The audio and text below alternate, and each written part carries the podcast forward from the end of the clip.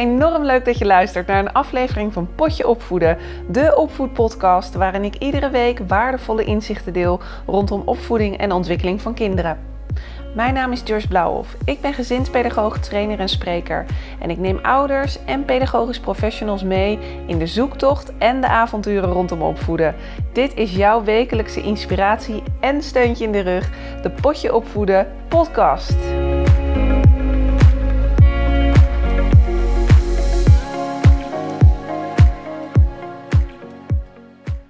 Hey, ja hoor, weer een nieuwe week. Nieuwe ronde, nieuwe kansen, nieuwe aflevering van Potje Opvoeden. Te gek dat je weer ingetuned bent.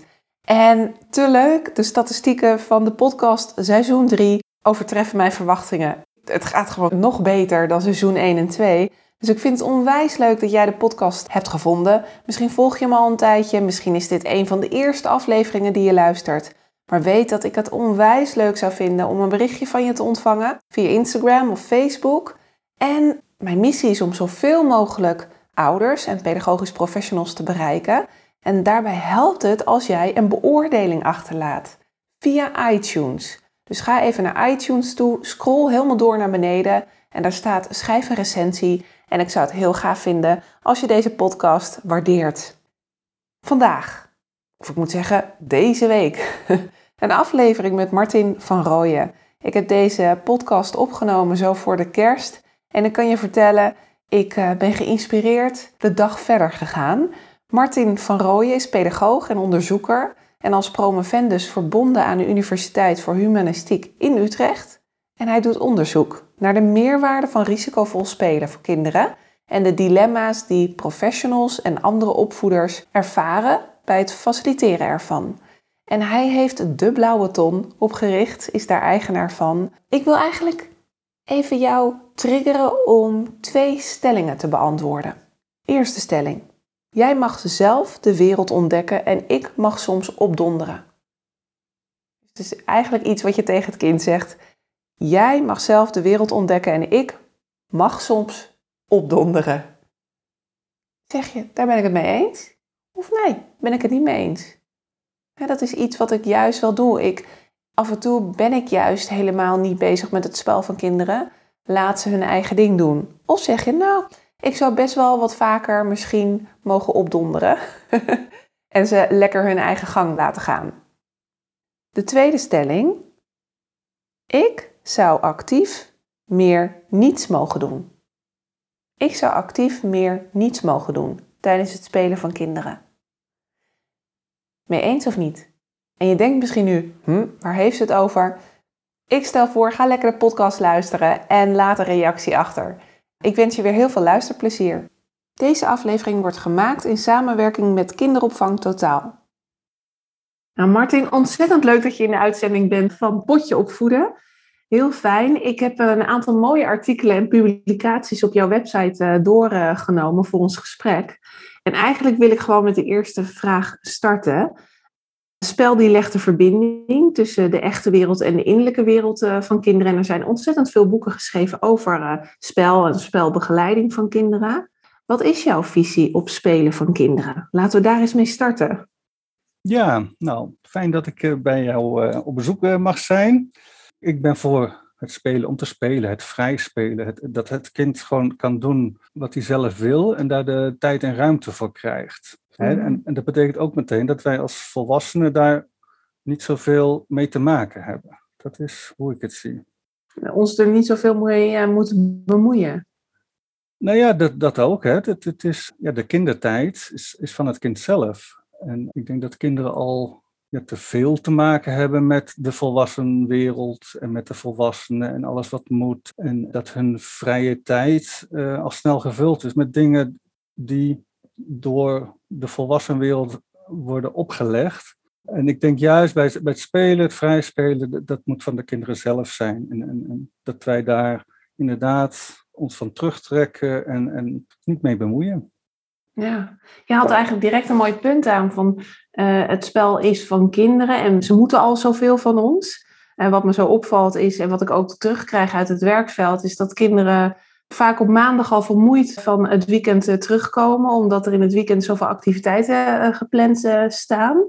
Is dat ook een beetje waar je, waar je op doelt? Jazeker, dus, dus de agenda van kinderen is, is gevuld. En dat komt en door clubjes en sport en, en van alles en nog wat, ze vaak moeten.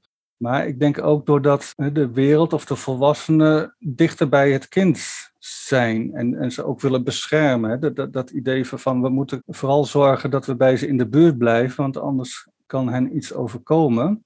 En iemand heeft dat genoemd het uh, grote boze wolf syndroom. Uh, dus dat wij overal gevaren zien van kinderen. Achter elke boom hè, staat dan uh, zo'n zo wolf. En daardoor is ons idee van, nou, we moeten kinderen maar van veilige plek naar veilige plek verhuizen. Hè. Dus ze gaan vanuit huis, worden ze naar school gebracht, van school naar de kinderopvang of naar sport uh, daarna. En dan weer naar huis. En zo zijn ze altijd veilig. Hè? Dat kan een uitgangspunt zijn, maar voor het kind blijft er weinig over om een eigen ding te doen. Dat vind ik wel heel jammer en eigenlijk ook wel, we moeten manieren bedenken om kinderen weer meer ruimte en tijd te geven. Ja, daar heb je vast natuurlijk allemaal ideeën over hoe we dat zouden kunnen doen als volwassenen. Als je er nu eens eentje echt zou mogen noemen waarvan je denkt, dit is echt wat iedere volwassene zou ja, moeten doen, zeg ik even tussen aanhalingstekens. Ja, dat is het idee van kinderen maar een beetje uh, het zelf laten uitzoeken. We hoeven niet hen te helpen. Pedagoog Koonstam die noemde dat liefdevolle verwaarlozing. Dat vind ik wel een oh, mooi. Hè? De, je mag kinderen best het zelf laten uitzoeken en, en, stuur ze maar naar buiten en laat ze het zelf doen. En dat is nog steeds liefdevol, dat is nog steeds met aandacht voor kinderen. Zorg ervoor dat je als volwassene niet in de buurt bent. Dat, dat is het idee. En of je dat nou doet door, door ze naar buiten te sturen of, of in huis of in de tuin uh, het zelf laten uitzoeken, maak je er niet druk over en, en wacht maar af wanneer ze zelf weer komen. Ja, ik zit meteen te denken, hè, mijn, mijn zoontje is twee jaar en drie maanden. En ik woon in een wat oudere wijk in, uh, in Haarlem.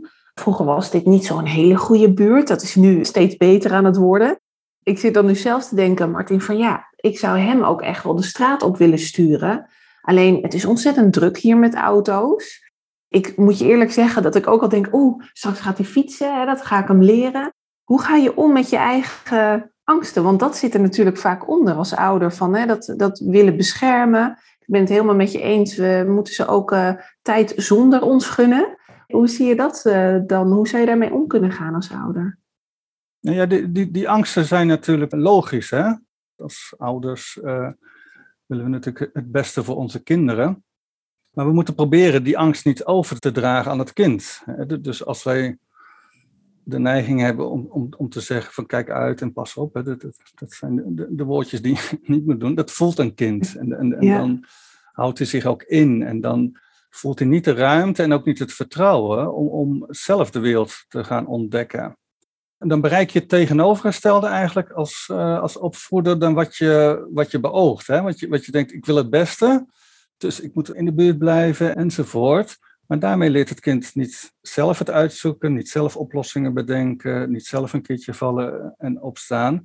En leert het zichzelf niet beschermen. Dus dan, mhm. dan, dan leeft het, het op wat je eigenlijk niet wilde. Dus dat is een beetje de paradox van overbescherming, noem ik dat. Dat je tegenovergestelde bereikt. En natuurlijk is de, de uitdaging, hè, wat, wat, ik begrijp, het, het druk verkeer, moet je rekening mee houden. Je hebt ook een taak en een, een rol als, als uh, ouder, als volwassene. Maar dat slaat vaak door. Hè. De kinderen moeten ook leren omgaan met druk verkeer. Ja. Dat moeten ze juist. En ze moeten leren fietsen en, eh, en, en, enzovoort. En je ziet dat dat omgaan met, dat die leeftijd steeds hoger wordt. Dus, dus dat kinderen zelfstandig naar school gaan, Vroeger ging ik als kind, als, als vier, vijfjarige, zelf naar school. Nou, nu worden kinderen tot, tot een jaar of acht, negen gebracht. En ik denk dat dat niet de bedoeling is. Ja, dus dat betekent ook inderdaad dat je, dat je het grotere doel voor ogen moet houden. Je wilt natuurlijk ook een, een kind dat zichzelf kan bedruipen en, en zelf veilige keuzes ook kan maken. En dat je daarmee dus ook met je eigen, ja, je angst eigenlijk leert, uh, leert omgaan ook een beetje op je handen zitten eigenlijk. Hè? Want als ik je hoor van niet te veel het spel willen bepalen, grijp dus niet te snel in. Nee, eh, dat klopt helemaal. Hè. Dus dat op je handen zitten is een mooie beeldspraak. Hè. Vroeger werd gezegd eh, van, van, tel maar tot vijf hè, voordat je wat doet, of tot tien. Ik zeg tegenwoordig altijd tel maar tot dertig. Hè. Als jij denkt je bent nodig of, of je voelt de noodzaak om iets te doen, tel tot 30. En, Mhm. kijk, en kijk wat er gebeurt. In bijna alle gevallen lost het kind het zelf op. Nou, en, en hoe mooi is dat, hè? Dat, dat een kind zelf die gelegenheid ook krijgt om zelf met iets om te gaan, iets, iets wat tegen zit of zoiets. Ik ben een paar keer in Engeland geweest bij de Adventure Playgrounds, de avonturenspeeltuinen. En daar veel van opgestoken. En dat vind ik ook wel een hele mooie benadering, de playwork benadering. In Engeland heb je playworkers, hè, die, die, die zijn speciaal opgeleid om kinderen te begeleiden in hun vrije tijd, dus in speeltuinen, maar die werken ook in de kinderopvang. En die krijgen mooie dingen mee, echt gericht op dat vrije spelen en die filosofie van het is de tijd en ruimte van de kinderen. En wat betekent dat voor mijn rol? En wa- wat je zei over op je handen zitten, dat noemen zij containment. Ze gebruiken prachtige woorden die amper te vertalen zijn. Ja, ja, ja. Maar, maar dat is je inhouden. Actief niets doen eigenlijk. Hè? Want je doet niets, maar je Ja. kijkt wel. Hè? Je, je kijkt, je luistert en je bedenkt telkens, ben ik nodig of niet? Ja, Dus dat lijkt als niets doen, hè? ook voor professionals. Als ik dat meegeef, ja, dan, zeg, ja, dan, dan krijg ik te horen dat, dat ik niks doe. Maar dat is natuurlijk niet zo. Maar je kan het wel uitleggen van, het lijkt alsof ik niets doe. Maar ik ben constant bezig bij alle kinderen onder mijn hoede om te kijken, wat doet dat kind? Wat doet dat groepje kinderen? Waar zijn ze mee bezig? Ik luister en ik bedenk telkens, ben ik nodig of niet? Nou, ja. containment. Mooi hoor, want ik merk ook bij mezelf, ik heb zelf als pedagogisch medewerker in de kinderopvang gewerkt. Nou, nu eh, zelf eh, mag ik eh, een jongen opvoeden die actief en ondernemend ook is. En die ook wel echt het leuk vindt om op dingen te klimmen, met zijn boor bezig te zijn en noem maar op.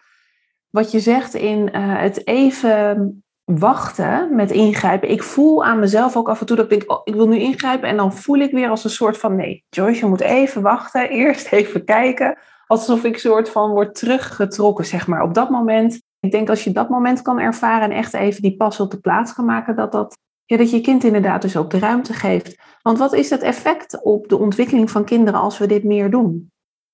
Nou, ik- denk dat je dat meteen zelf ziet gebeuren. Hè? Dus, en ontwikkeling vind ik ook altijd een, een, een lastig woord, hè? want dan heb je weer een doel voor Oh, ja, iets. ja. ja, Ja, Ehm, dus kinderen die gelegenheid bieden, tijd en ruimte om, om gewoon hun eigen ding te doen, dat is goed voor hun zelfvertrouwen. Zij voelen ook, en dat zie je ook echt, echt gebeuren, dat zij het zelf mogen uitzoeken. En zelf mogen bedenken, ga ik een- nog een stapje hoger op een ladder of in een, in een boom. En dat stralen ze uit. Je, je ziet dat in lichaamshouding, in gezichtsuitdrukking, dat zij voelen dat ze het vertrouwen krijgen van de volwassenen. Nou, en, en dat geeft hen zelfvertrouwen. Een ander woordje, ik, ik gebruik eh, vaak veerkracht. Hè. Kinderen hebben veerkracht in zich vanaf de geboorte. Die kunnen een hoop. Mhm. Die kunnen een hoop overwinnen of, of, of met, met, met teleurstellingen omgaan. Maar het moet wel aangesproken worden. Dus als wij dat niet toelaten, dan gebeurt dat niet. En die veerkracht die wordt groter of die, die, die, eh, die moet aangesproken blijven, zodat ze kunnen groeien tot ja, competente volwassenen. En, en zo zie ik dat ja, kinderen dat ervaren en nodig hebben met het vrije spelen. Ja. ja. Dus door vrij spelen groeit het zelfvertrouwen en groeit eh, veerkracht ook. En nog veel meer. Ja, ja, ik wou net zeggen, want er Ja. zal, het zal waarschijnlijk nog veel meer inderdaad het effect zijn. Maar ik vind het wel mooi, zoals je zegt, ook weer bewust worden van ontwikkeling. Dat klinkt inderdaad ook weer heel erg doelgericht. Terwijl het gaat om, ja, eigenlijk ook wel in het moment dus zijn. Hè? Echt kijken, kijken, kijken naar kinderen. Ja, ja precies. Hè? En, en ik zeg vaak ook tegen pedagogisch medewerkers in de kinderopvang: van, jij kent het kind heel goed. Hè? Je, je maakt het elke dag mee, eh, zo'n beetje. Soms ken je het kind beter dan de ouders, Ja. geef ik ook mee. Dus jij weet wat het al kan. En je weet wat het nodig heeft. Of welke uitdaging de volgende kan zijn voor dat kind. Jij kan heel goed bedenken en besluiten van... ik laat het gaan, want ik weet dat het goed komt. Omdat je het kind zo goed kent. Ja. In een artikel las ik dat het beeld dat wij van kinderen hanteren van invloed is in hoe wij denken over risico in het spel van kinderen. Zien wij kinderen als kwetsbaar of veerkrachtig? Daar had je het net natuurlijk al even over gehad. Vond ik ook een heel mooi iets om over na te denken. Is dat zoveel van invloed? Ja, dat denk ik zeker. Hè. Dat, dat is de basis bijna van ons handelen naar kinderen. Van hoe, hoe zien wij kinderen, hoe zie je een kind in de wereld staan? En dat, ja, dat heeft twee kanten. Hè. Een kind als kwetsbaar, om, om voor te zorgen, om, om te beschermen. Mm zie, zie, je zo'n kind, dus om nabij te zijn. Of een kind als veerkrachtig en veelkunnende en, en het zelf kunnen uitzoeken. En ook goed om kunnen gaan met teleurstellingen en voor zichzelf kunnen zorgen. Dus dat zijn twee beelden waarvan ik denk, dat is goed als opvoeder of als professional om je bewust van te zijn, hoe zie je een kind? Hoe zie je kinderen? Want dat, dat mhm. betekent iets voor je handelen en, en hoe, hoe je kinderen tegemoet treedt. En tegelijkertijd is het ook niet een tegenstelling. Hè? Dus eh, het is niet of het een of het andere. Ik noem dat dan een, een schijnbare tegenstelling. Hè? Van, je hoeft niet te kiezen van kwetsbaar of veerkrachtig, want kinderen zijn het alle twee, of alle twee een beetje, of soms het ene en soms het andere. En daar wil je op aansluiten. Dat is goed voor het kind, van wat het nodig heeft van jou. Kan je het alleen laten, het zelf laten uitzoeken en kan je dan bedenken van nu niet, maar straks, of, of als ik het merk, heeft het kind mij wel nodig en ga ik er wel heen? Of komt het naar mij toe en ben ik het voor het kind? Het is wel van belang om, om je dat bewust te zijn. Ja, ja want dat, dat is dan ook een beetje bepalen op dat moment van heeft het kind mij nodig of niet? Hoe bepaal je dat of een kindje nodig heeft of niet? Een beetje taxatie van het risico. Of eh, zeg ik dan zo goed, Martin? Taxatie van risico wat je dan doet? Of gevaar misschien wel? Taxatie van gevaar? Ja, eh, als je het over risicovol spelen hebt, ja, zijn een aantal dingen. Hè. Dus, dat maakt het soms ook lastig, maar ook weer niet zo lastig. dus je moet een onderscheid maken tussen eh, risico en gevaar. Gevaar is iets wat kinderen niet zien, niet kunnen overzien. Dus, dus als er een, een, tak op afbreken staat van een boom, of, of er ligt ergens glas op het schoolplein waar kinderen doorheen gaan banjeren misschien, zien ze niet, moet jij op ingrijpen, is gevaarlijk voor kinderen. Of, of een klein kind bij water in de buurt. Ingrijpen, want er kan iets gebeuren. Risico is iets wat kinderen zelf kunnen inschatten. Kinderen zijn risicocompetent. Dus zo goed als alle kinderen kunnen zelf risico's inschatten op hun niveau voor wat zij willen gaan doen. En ze bedenken heel goed van, zal ik wel, zal ik niet? Als ik dit ga doen, kan het ook misgaan, maar dat weet ik en eh, ik ga het toch doen. Dus een risico is daarmee positief. Als je dan dat onderscheid hebt gemaakt, dan heb je nog aanvaardbare risico's en onaanvaardbare risico's. Als een kind zes meter de boom inklimt en die mhm. denkt van nou, dat, dat, kan ik wel. En daar mag je best op vertrouwen, dat, dat vind ik goed. Maar dat mag je als volwassene nog, nog bedenken, als het nu fout gaat, dan wordt dat een heel ernstige verwonding, zeg maar. Ja. Dat wil ik niet. Hè? Dan valt het dood of, of, eh, of invalide of enzovoort. Onaanvaardbaar, ik grijp in, kom even terug naar drie meter. Oh ja. Want een kind kan wel bedenken dat hij dat, dat wil en kan, maar jij mag die afweging maken van ja, maar als het dan misgaat, dan wil ik dat niet. Maar dan nog steeds kan je bedenken, als het kind zo vaardig is dat je weet, joh, dat gaat nooit gebeuren. Die gaat nooit eruit vallen. Die kans is nihil eigenlijk. Laat het gewoon acht meter klimmen of tien. Of, hè, mijn, mijn dochter, we hebben hier een kastanjeboom achter, die zit 15 meter in een boom. En dat is fantastisch om te zien, maar dan, dan, voel ik af en toe ook wel mijn buik van, nou... Het moet niet fout gaan, inderdaad. Ja, ja maar dan ga ik weg, want...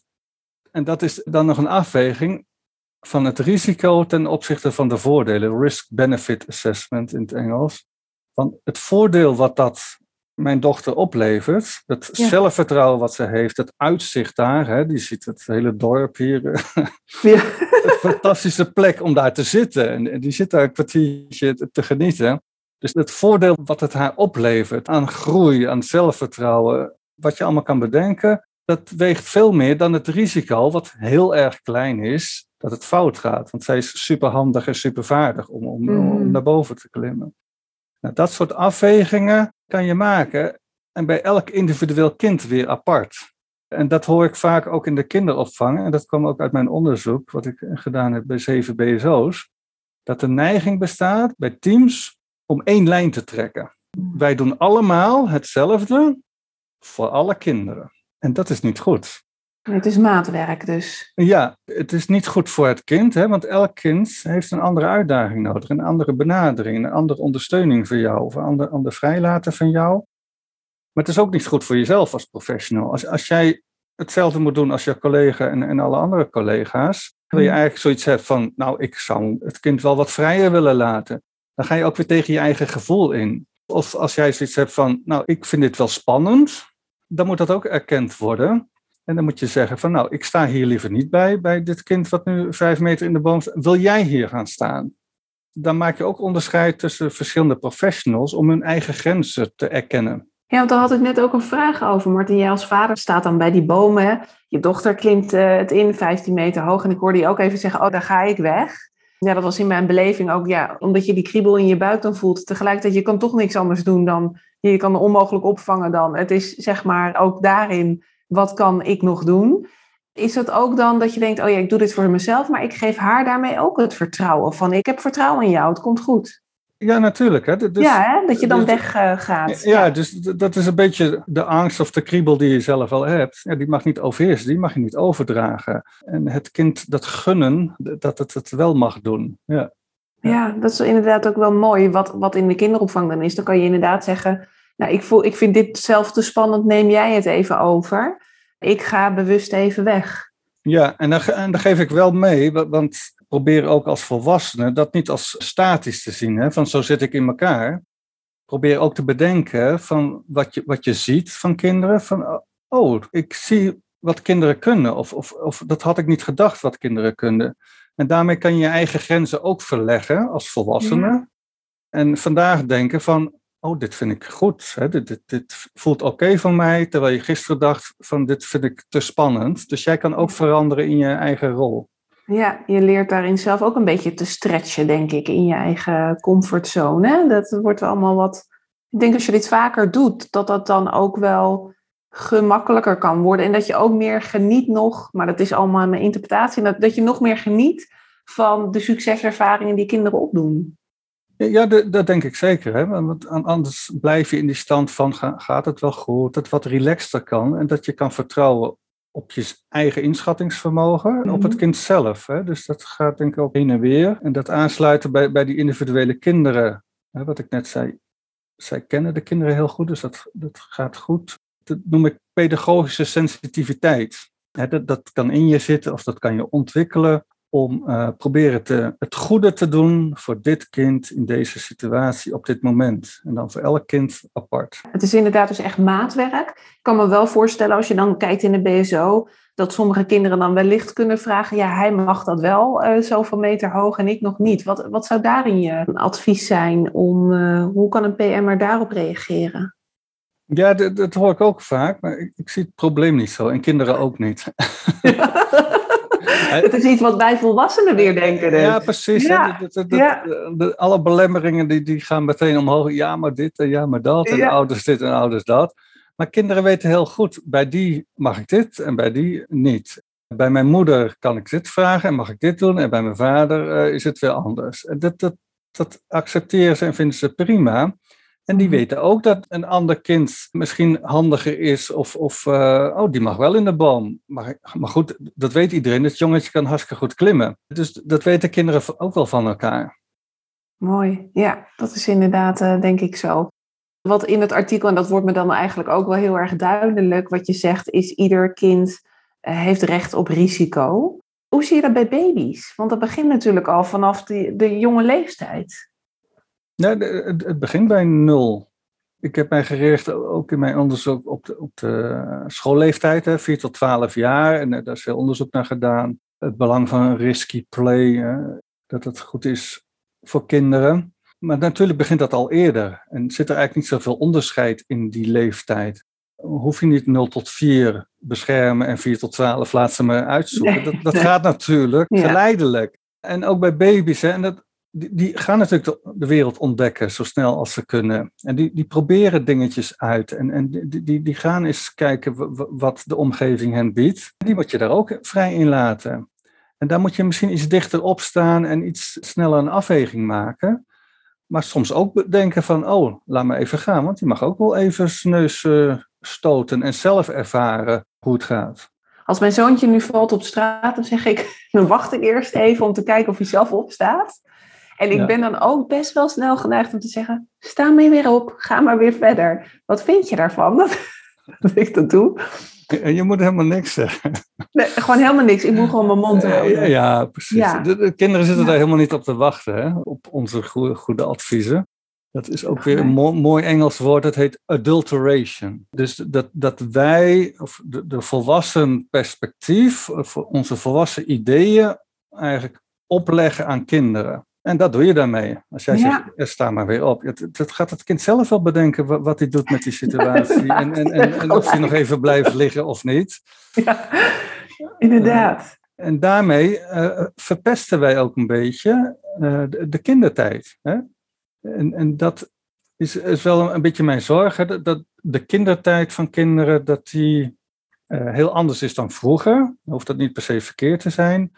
Maar dat, eh, en kom ik beetje terug op waar, waar we het in het begin over hadden, dat dat te, veel door volwassenen wordt bepaald. En, en Ja. wij moeten proberen die tijd en ruimte aan kinderen te- terug te geven. En niet al onze ideeën en perspectieven op te leggen.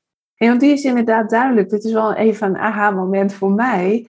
Een uitspraak uit een artikel wat ik van je heb gelezen is: we moeten voorkomen dat het spel van kinderen verzwakken, verpesten, vervalsen of verknoeien.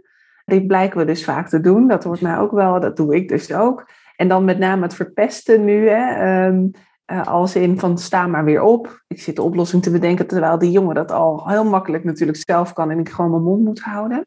Wat bedoel je met het spel van kinderen verzwakken? Ja, dat zit een beetje in, in, dezelfde lijn. Hè? Dus kinderen willen het graag zelf doen, willen het zelf bedenken, wi- willen zelf eh, eh, een, een, een spelen doen wa- waar ze dan zin in hebben of samen met anderen bedenken. En zo gauw daar die invloed van ouders eh, of, van opvoeders bij komen, ja, dat verzwakt het spel, want ze krijgen die gelegenheid niet meer om, om het zelf te bedenken.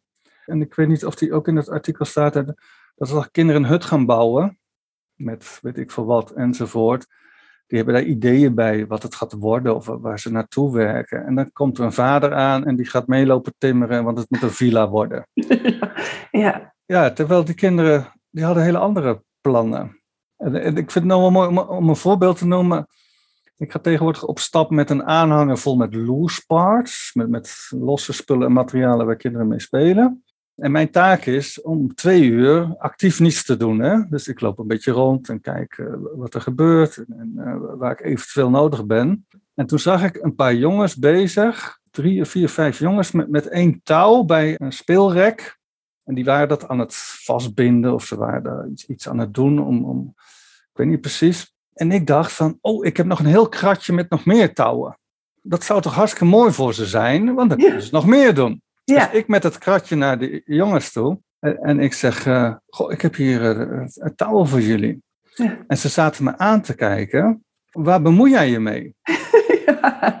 Waarom kom jij naar ons toe? ja, van, we hebben jou niet nodig en we hebben ook helemaal geen touw nodig. We zijn lekker bezig. ja, ah, geweldig. En, en dat vond ik zo mooi, dat, dat ik ook, oh, oh ja, natuurlijk. Wa- waarom doe ik dit? Als ze touw nodig hebben, dan komen ze wel naar me toe. Van, van, we hebben nog wat touw nodig. Ja. Je dus- doet het zo geneigd uit enthousiasme op. Je denkt, oh, ze zijn lekker bezig. En ze zijn, huppakee, ik heb nog meer. En vervolgens moet je inderdaad jezelf daarin remmen. Ja, Ja, nou, nou, en het ergste is, ik verstoorde hun spel. Ze- zij Ja. waren bezig met iets en eh, daar ging ik dwars doorheen. Ja, dat verstoort en verzwakt dus hun, hun, hun spelen waar ze mee bezig waren. Niet doen, niet doen. nee, nee, gewoon niet doen. Ik, Ja. ik ga aan dit eh, denken, inderdaad. En dat valt me ook wel op, hoor. Dat we vaak als volwassenen heel snel geneigd zijn om de plannen te door de kruisen van kinderen. En, ik zeg, en het is zo grappig, hè? ik zeg dan ook wel van, ja, in het echte leven moeten kinderen al zo vaak luisteren naar ons. En we willen dan ook nog het spel bepalen. En terwijl ik dit zeg, is er ook nu weer in ons gesprek een soort van aha-moment. Dat ik denk, oh nee, ik ook op straat, hè, moet even niks zeggen. Dus eh eh, dank je wel in, ieder- in ieder geval daarvoor, vind ik heel fijn. Zijn er, eh, dat was nog een vraag van mij, zijn er verschillende eh, vormen van risicovol spelen? Ja, er- zijn zes categorieën bedacht door El- Ellen Sensiete uit Noorwegen, die veel onderzoek heeft gedaan. Dus die, die heeft gekeken naar het spel en gekeken naar, kan ik dat nou in hokjes indelen? En dat zijn de zes categorieën geworden en die worden veel gebruikt.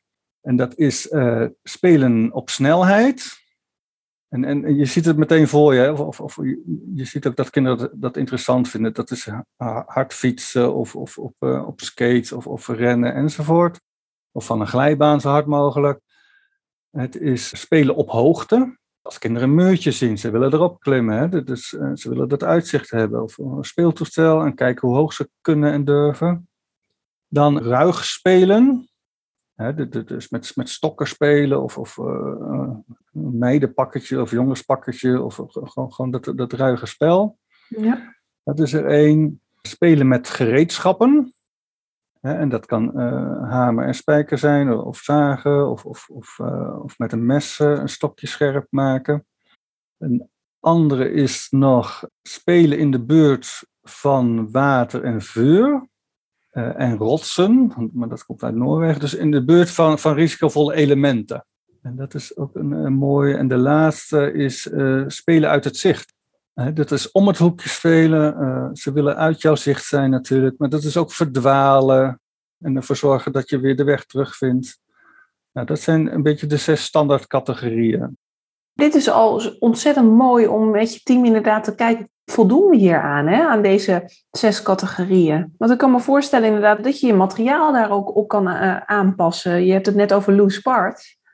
Wat moet een BSO, vind jij, in ieder geval hebben? het is onze opdracht, denk ik, om de speelomgeving zo aan te passen of in te richten dat kinderen de uitdaging en risico kunnen vinden die ze nodig hebben of waar ze aan toe zijn. Uh, en ook nog voor alle kinderen het liefst uh, net dat stapje kunnen maken wat, wat, ze, wat ze willen. En dat heet weer, en ik ga weer een Engels woord gebruiken, affordances. Ook moeilijk te vertalen, hè, maar welke handelingsmogelijkheden biedt een omgeving voor het kind, voor het individuele kind. Er moet genoeg te doen zijn voor kinderen. Ja. En als je het dan over risicovol spelen hebt, ja, dan, dan probeer je op, op die categorieën ervoor te zorgen dat dat er is, eh, op de een of andere manier. En met die loose part is het wel mooi dat daar veel in zit van dat risicovol spelen. En dat het ook heel veel affordances heeft, hè, veel mogelijkheden voor alle leeftijden ik sleep dan die dingen mee. Maar er zit ook een, een huishoudladder in. Zo'n laddertje van, van zes treden. De oudste kinderen, 10, 11, 12, die gaan dat tegen een schuurtje opzetten. Of eh, die gaan er, er, hoog in. Of die zetten tegen een boom aan om er wel in te kunnen klimmen, want dat kon nooit. Kleine kindertjes gebruiken het ook, maar die gaan op de eerste tree staan. En die kijken om zich heen. En denken, oh, wat, wat gaaf. Dingetjes op, op wielen voor grote kinderen, die gaan zo hard als mogelijk. En, en, kleintjes, die gaan een beetje uitproberen en een beetje kijken hoe dat werkt met, met wieltjes en, en wat dat betekent. Dus die loose parts, dat biedt oneindig veel mogelijkheden, zeggen ze, in plaats van standaard speelgoed, wat eigenlijk maar één of twee functies heeft. En, waar je wat sneller bent uitgespeeld en ook uh, minder kinderen boeit uiteindelijk.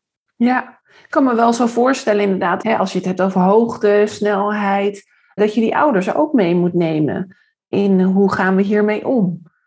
Hoe pak je dat aan? Ja, dat, dat is wel, wel, goed om te doen, hè, om ze te informeren als je met dit onderwerp aan de slag wilt. Om uit te leggen wat het belang is en waarom het goed is voor kinderen. En hoe je dat gaat doen. En er ook bij vertellen van nou, hè, het is juist de bedoeling dat kinderen af en toe een bult vallen. Mm dus je moet er ook duidelijk in zijn, denk ik. Er wordt wel eens gezegd, ja, waarom heet het eigenlijk risicovol spelen? Dat roept meteen zoveel op. Kunnen we het niet uitdagend spelen noemen of avontuurlijk spelen? Dan zeg ik, ja, maar dat zegt het eigenlijk niet. Nee. Daarmee verbloem je eigenlijk met als reden om anderen gerust te stellen. En je moet juist zeggen, joh, risico is goed voor kinderen en dat kunnen ze. En, en dat willen we juist aan ze bieden. En uiteindelijk, hè, uh, als er dan iets gebeurt, dan kan je ook ouders uitleggen van nou, jouw kind was hiermee bezig, dat heeft hij nodig. Dat vond hij interessant en uh, daar was hij aan toe. En dat is even misgegaan, maar dat wist hij ook, dat het mis kon gaan. En daarom heeft hij nu een pleister uh, ergens. Dus als je het zo uitlegt, dan kunnen ouders daar ook in meegaan. Ik heb ook vaak het idee dat, dat vaak gedacht wordt in de kinderopvang en, en bij uh, pedagogische professionals van dat zullen ouders wel niet fijn vinden of, of, of die, gaan klagen enzovoort. Maar dat is niet zo. Nee. Dus dat is de perceptie in het hoofd van stel dat, Ik verzorg wel eens ouderavond. Als je het vraagt in de zaal met ouders, van mag een kind een bult vallen? Ja, natuurlijk. Ja. Uh, of, of je vraagt van, uh, wat heeft u vroeger zelf gespeeld als kind? En, en wat was de mooiste speelervaring? Was daar een volwassene bij? Nou, niet. Nee, dat, dat, zijn, de, de mooiste. Ja, precies. Want dit is inderdaad in Nederland, en je had het net al even over Engeland, en ik hoorde je ook volgens mij Zweden noemen. Is er een land die jij als voorbeeld neemt, waarvan je denkt, hier hebben ze het echt uh, stappen gemaakt in, uh, is het al zo'n onderdeel geworden van de spelbegeleiding van kinderen, waar Nederland een voorbeeld aan kan nemen? Ik noem dan toch twee, hè? want de cultuur van landen is vaak verschillend, hè? dus dan wordt er ook anders mee omgegaan. Dus wat je in Scandinavië ziet, dat heet dan Forest School dus dat kinderen gewoon nou, eigenlijk een soort buiten maar dan in, in de wilde... Mooie, mooie term ook. Wilde, wilde natuur. En dat kinderen automatisch leren van, van hoe dat werkt. Ik heb ook filmpjes gezien, dan gooien ze kinderen gewoon in zo'n stromend beekje en die laten zich meevoeren. en, die gaan er weer ergens uit. Ja. En die worden gewoon met, met die leeftijd zo spelende wijze eigenlijk raken ze daarmee vertrouwd. Dus dat vind ik mooi te zien, die, die forest schools. En in Engeland ja, ben ik erg jaloers op die adventure playgrounds of junk playgrounds. Dat is nog een, stapje verder. Dat, is gewoon één grote bende, vinden wij mhm. als volwassenen. Maar voor die kinderen is, is het fantastisch. Daar staan bankstellen, alles ligt door elkaar. En het wordt niet opgeruimd. Dat is ons idee over hoe het moet. Van alles moet weer netjes terug in kastjes. Maar voor kinderen is dat helemaal niet zo. Die willen weer door waar ze gisteren gebleven waren. En die hebben iets gemaakt of die waren ergens betrokken bij.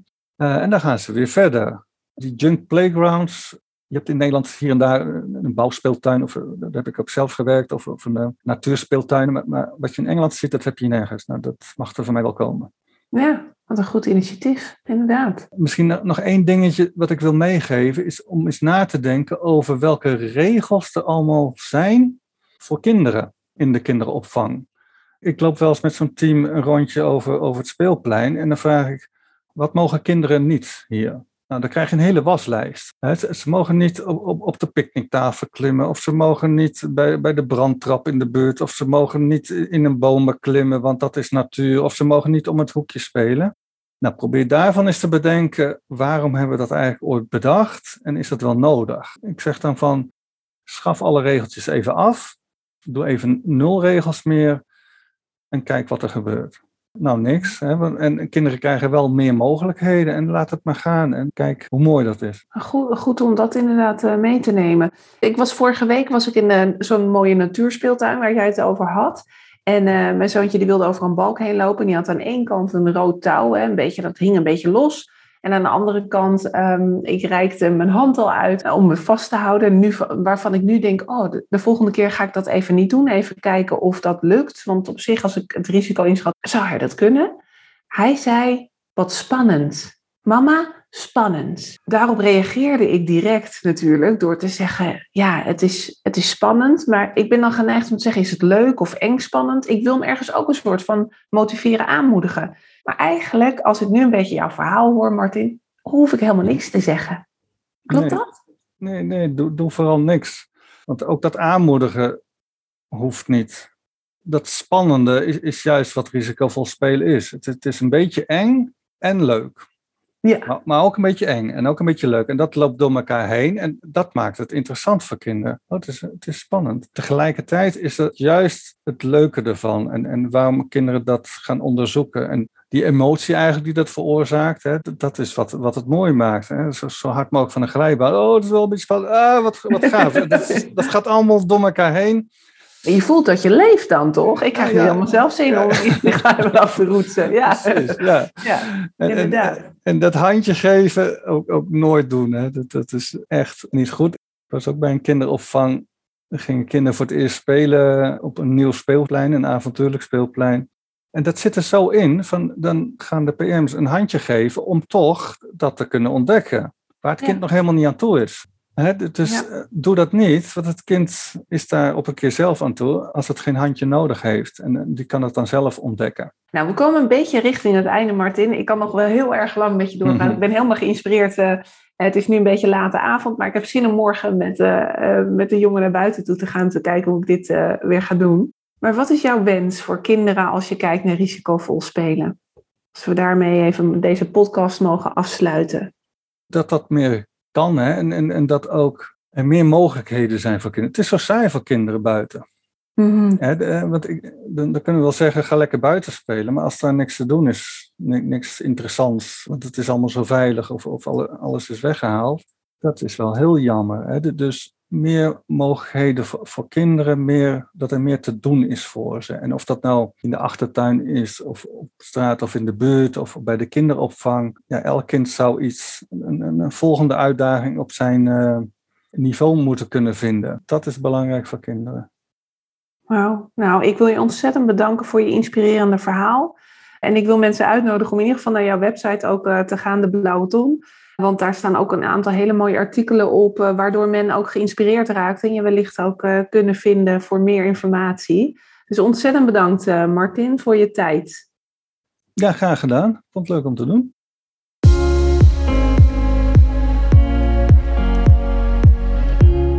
Hey, wat ontzettend leuk dat je hebt geluisterd. Bedankt daarvoor. Nog een paar dingen die ik graag met je wil delen.